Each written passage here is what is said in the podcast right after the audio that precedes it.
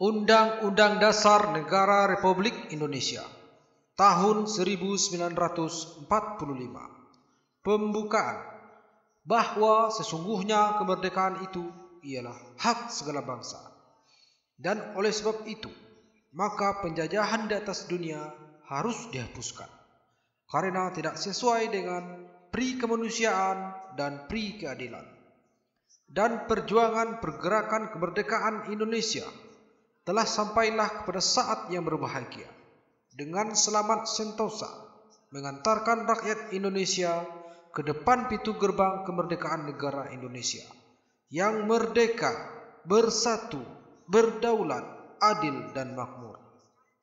Atas berkat rahmat Allah yang Maha Kuasa dan dengan didorongkan oleh keinginan luhur supaya berkehidupan kebangsaan yang bebas, maka rakyat Indonesia menyatakan dengan ini kemerdekaannya.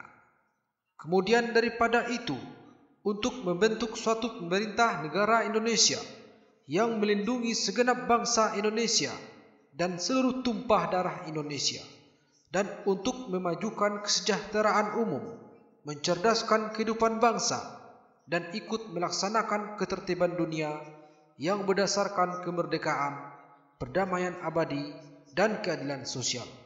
Maka disusunlah kemerdekaan kebangsaan Indonesia itu dalam suatu undang-undang dasar negara Indonesia yang terbentuk dalam suatu susunan negara Republik Indonesia yang berkedaulatan rakyat dengan berdasarkan kepada ketuhanan yang Maha Esa, kemanusiaan yang adil dan beradab, persatuan Indonesia, dan kerakyatannya dipimpin oleh hikmat kebijaksanaan dalam permusyawaratan perwakilan serta dengan mewujudkan suatu keadilan sosial bagi seluruh rakyat Indonesia.